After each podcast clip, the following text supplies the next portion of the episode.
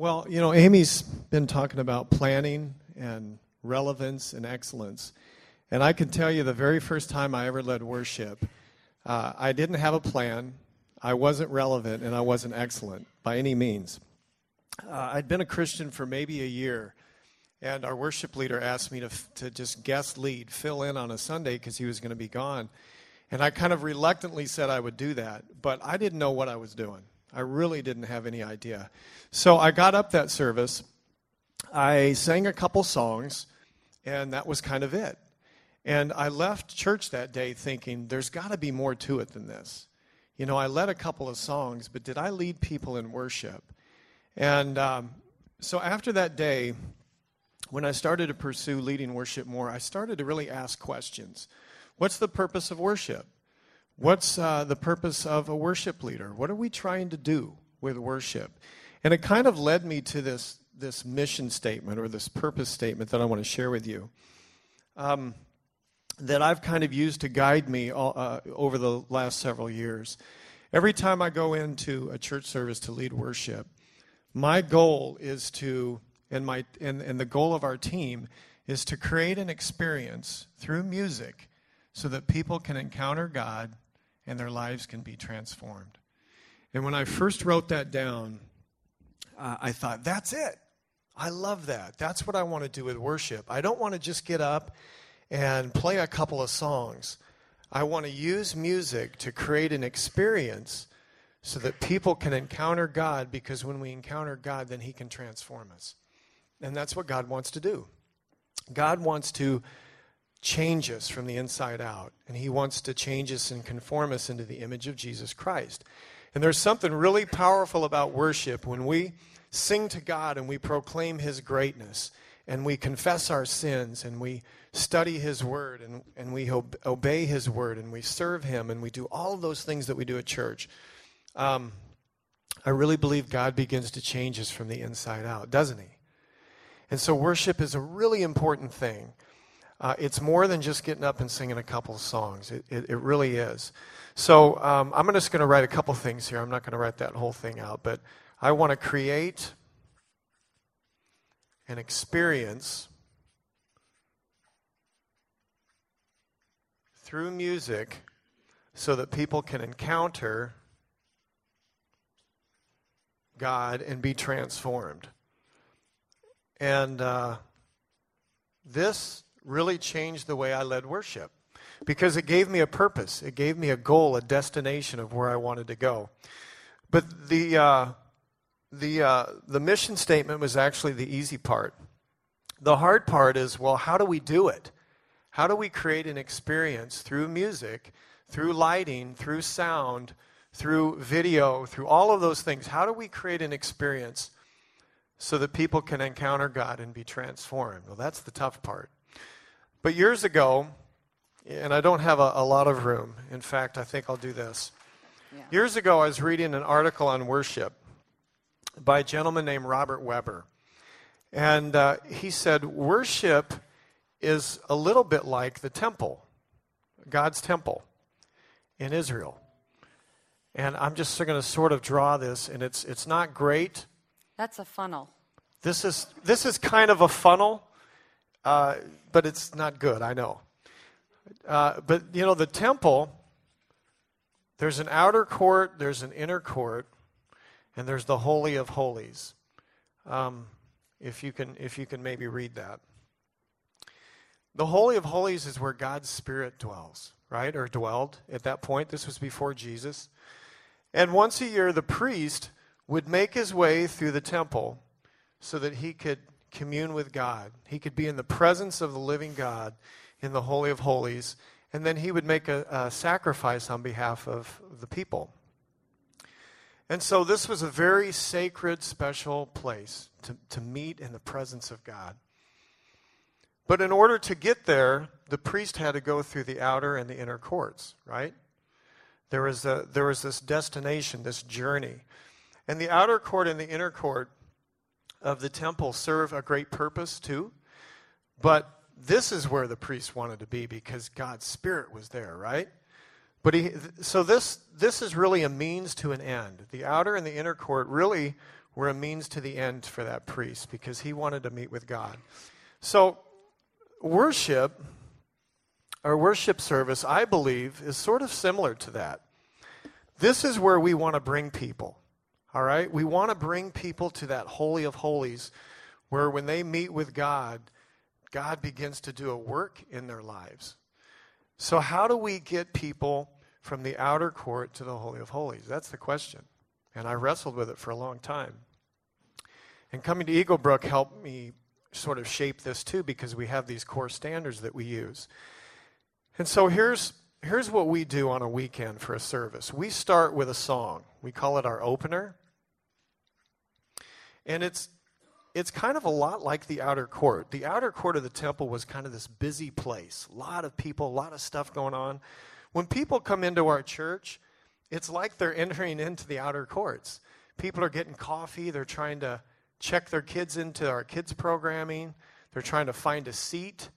They're, they're looking around. They're oftentimes distracted. They're talking with their neighbors. I don't know if they do that here, but, but in our culture, and they come late sometimes. what was that? No one's Okay. late here. Sure. So we have this first song. People are not standing and worshiping, and we kind of demonstrated that today. We started out with a song. Um, this is a song just to begin to transition people into the presence of God. I believe that when most people come to church, they're not here. They're not ready to just really experience God in that deep, intimate, quiet, still moment. Because we're very worldly people. We, uh, we come to church oftentimes stressed and tired and busy. Maybe we've had a disagreement with our spouse, you know, on the way into church, or we had a really difficult time getting our kids dressed and fed. And, and so we come in with all these distractions and, and, uh, and our hearts and our minds, if we're honest, we're not always here. But the goal of worship for me is I want to create an experience to get people there, right? Are you guys tracking with that? So we do a song um, that just sort of brings a smile and a, and a warm feeling into the, uh, the church building. Um, sometimes it's, it's almost always a Christian song, but it's very seldom a worship song, like a slow, amazing grace or how great is our God. We're really just trying to bring a, a fun energy into the, the, uh, the church so that when people come in, um, they can kind of begin to, to um, step away from the world and their busy lives and into the presence of God. Sometimes I'll do a U2 song here or the Beatles. Yeah, a few, few of you are, odd Eric was at least. Because they speak uh, about a biblical truth that we can understand. And to a person who doesn't come to church and they don't know Chris Tomlin or Matt Redman, they know U2. And they know the Beatles. And they come in and they go, wow, this is church. This is kind of cool. uh, I, I'm, I can kind of maybe get this. So that's the purpose of our opener. It's, it's usually kind of fun. And then after that, I try to be very normal and welcome everybody. Hey, thanks for coming today. We're really glad you're here. And maybe I'll share a scripture to begin to focus people's hearts on, on what we're gonna, about to do worship God. Um, we also do a little disclaimer.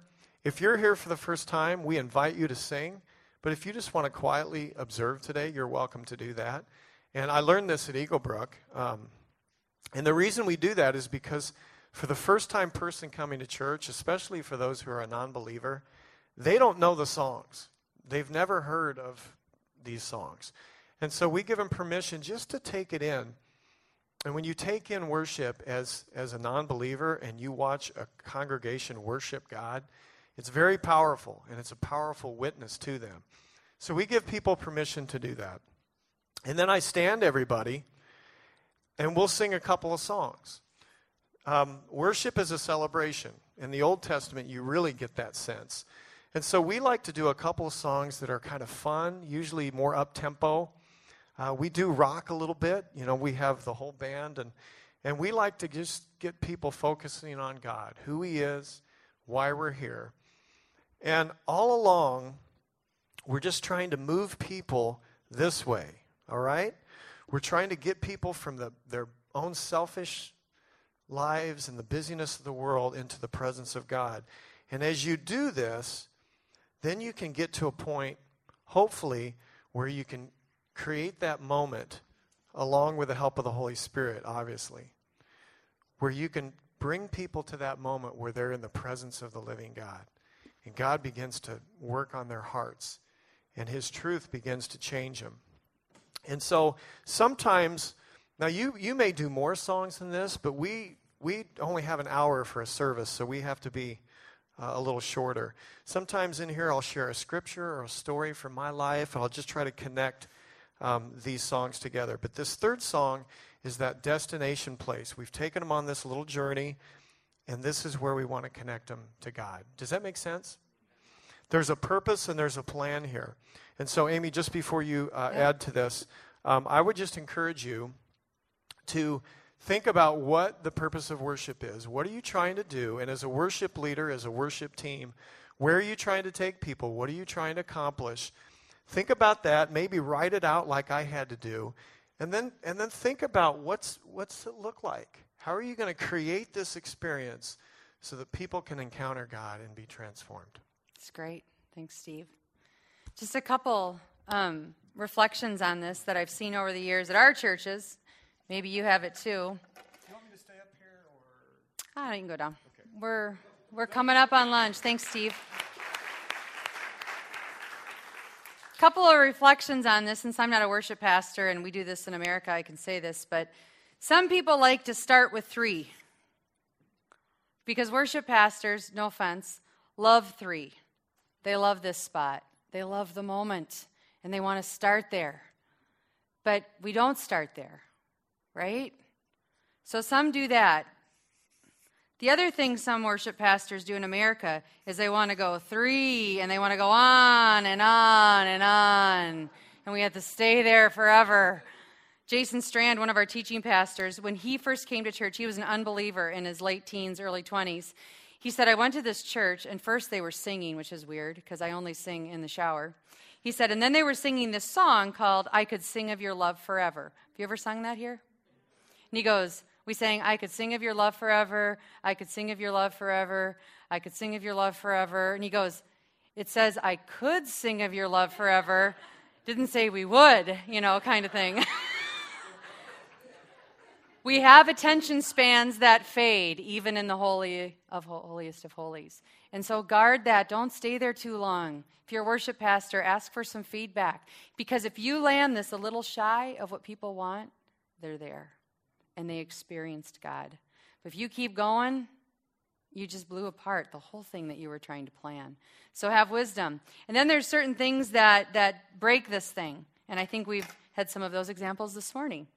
Um, so I'm not going to plan this third song. Just follow my lead, TJ. So you're like, one, two, we're getting to the holiest of holies, and all of a sudden the screen is flipping all over the place because he has no idea what we're going to sing next. That's a problem. You know, TJ is no longer invisible. And everyone who is just like one, two, and then the projector can't keep up with you, you kind of throw them back here. You take them out of worship. Or if you forget words, sorry, but you sort of pull them out of worship. You can regain some of that, by the way. I mean, you can recover. Mistakes happen. God's bigger than that. But if you regularly plan to fail because you don't plan, then you're not going to lead people to the holiest of holies, and you're going to end up with what Steve would never want, which is song time instead of worship. So